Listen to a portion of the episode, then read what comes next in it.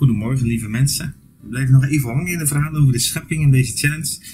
Of challenge, het is eigenlijk gewoon uh, ja, nieuwe dingen ontdekken van de Heilige Geest. En we blijven nog even hangen in die verhalen over de schepping. Voor mij altijd zeer belangrijk, want ja, het zijn in die eerste boeken waarin we echt mogen leren hoe God de mens bedoeld heeft. Nog voordat er van alles misgegaan was en de gebrokenheid uh, in de wereld was gekomen en de relatie tussen mens en God onder druk gekomen was, kapot gemaakt is.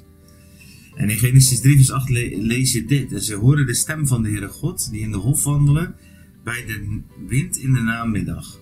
En toen verborgen Adam en zijn vrouw zich voor het aangezicht van de Heere God, te midden van de boom in het hof. Genesis 3 vers 8. En ze hoorden de stem van God, die in de namiddag, als het ware, ja, wandelde bij de wind in de namiddag. Het is interessant, hè? dus klaarblijkelijk wandelde, was dat normaal, hè? dat God door de hof wandelde. En en Adam en Eva herkenden zijn stem en dat had alles te maken met de wind, met de adem, met de, met de adem, met de ruach. En um, in Johannes 3 vers 7 uh, eh, tot 8 kom je ook weer, ja je komt op heel veel plekken kom je dit weer tegen, maar dit is ook uh, waar Jezus zegt, verwondert u niet dat ik zeg, u moet opnieuw geboren worden. De wind waar hij waait waarheen u wilt, u hoort zijn geluid, maar u weet niet waar hij komt, vandaan, vandaan komt waar hij heen gaat. Zo is het met iedereen die uit de geest geboren is. Johannes 3 vers 7 tot 8. In het paradijs wandelden we met God. En God was als de wind in een namiddag. Zo verstonden wij zijn stem. Johannes, Jezus zegt in Johannes, het gaat zelfs nog verder, je mag ook zelf zijn als de wind. Ik geloof dat God iets wil openbaren, dat, ja, dat wandelen in de wind, met de wind, de roerig, de adem van God, geest, connectie mag zijn tussen die verbondenheid met God, dat, die, dat gaat buiten ons begripsvermogen. En wij zijn als Calvinistische Nederlanders zeker zo vaak zo bang voor een bepaalde spiritualiteit. Omdat we dat vaak associëren natuurlijk met dat wat de vijand doet. Maar ja, de vijand, het occult, is eigenlijk maar een slecht aftreksel van wat God origineel gedaan heeft. Het woord van God zegt van hem en tot hem en door hem zijn alle dingen. Dus alles is van God afkomstig, alleen het wordt door de vijand misbruikt. Ik geloof dat we met elkaar op zoek mogen, ook vandaag weer in die wind. Hè? In het occulte zie je dat. Hè? Daar wordt heel veel met de wind gedaan. Ook eh, bij de gemiddelde winkel hangen dromenvangers en dat soort dingen. Geluidjes, eh, yoga, windstreken. Eh, er zitten heel vaak allerlei eh, onderdelen in. Dus, dus, de vijand kent ook de kracht van, van dit soort eh, geestelijke principes. Maar goed, wat mogen wij weten? Wat mogen wij leren van die wind die door de hof waaide en waarin we God mogen ontmoeten? Ik geloof dat het alles zegt over de connectie van geest tot geest. Van roewacht tot roewacht. Van adem tot adem. Van wind tot wind zou je kunnen zeggen.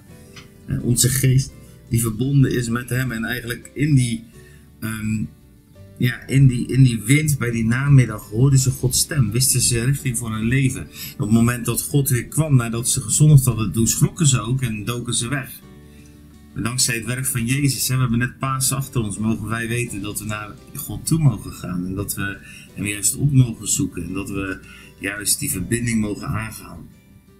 God zoekt ons namelijk nog steeds. En als, als de wind in de wind. Maar kunnen wij dat ontvangen?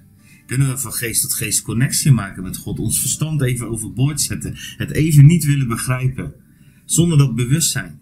Opeens waren Adam en Eva zich daar bewust geworden. Ze hadden gegeten van die boom van kennis van goed en kwaad. Daarvoor was het voor hen gewoon. Was het gewoon zoals het was. En namen ze het zoals het kwam. En ik wil eigenlijk daarvoor bidden vandaag. Dat er een stukje bewusteloosheid. Dat we even dat bewustzijn soms overboord mogen kunnen zeggen. Zodat we mogen connecten met God in de geest. Paulus die spreekt daarover in het woord. Johannes spreekt daarover in het woord. Dat ze in de geest zijn. En ik geloof dat vandaag de Heilige Geest wil komen en ons wil ook ontmoeten in die geest. Dat we daarbij even onszelf mogen afleggen. Ons vlees, ons verstand, ons bewustzijn. En ik wil gebed met je bidden. Vader, ik wil met u wandelen. Ik wil met u wandelen net als Adam en Eva, want dat is uw verlangen. In de hof.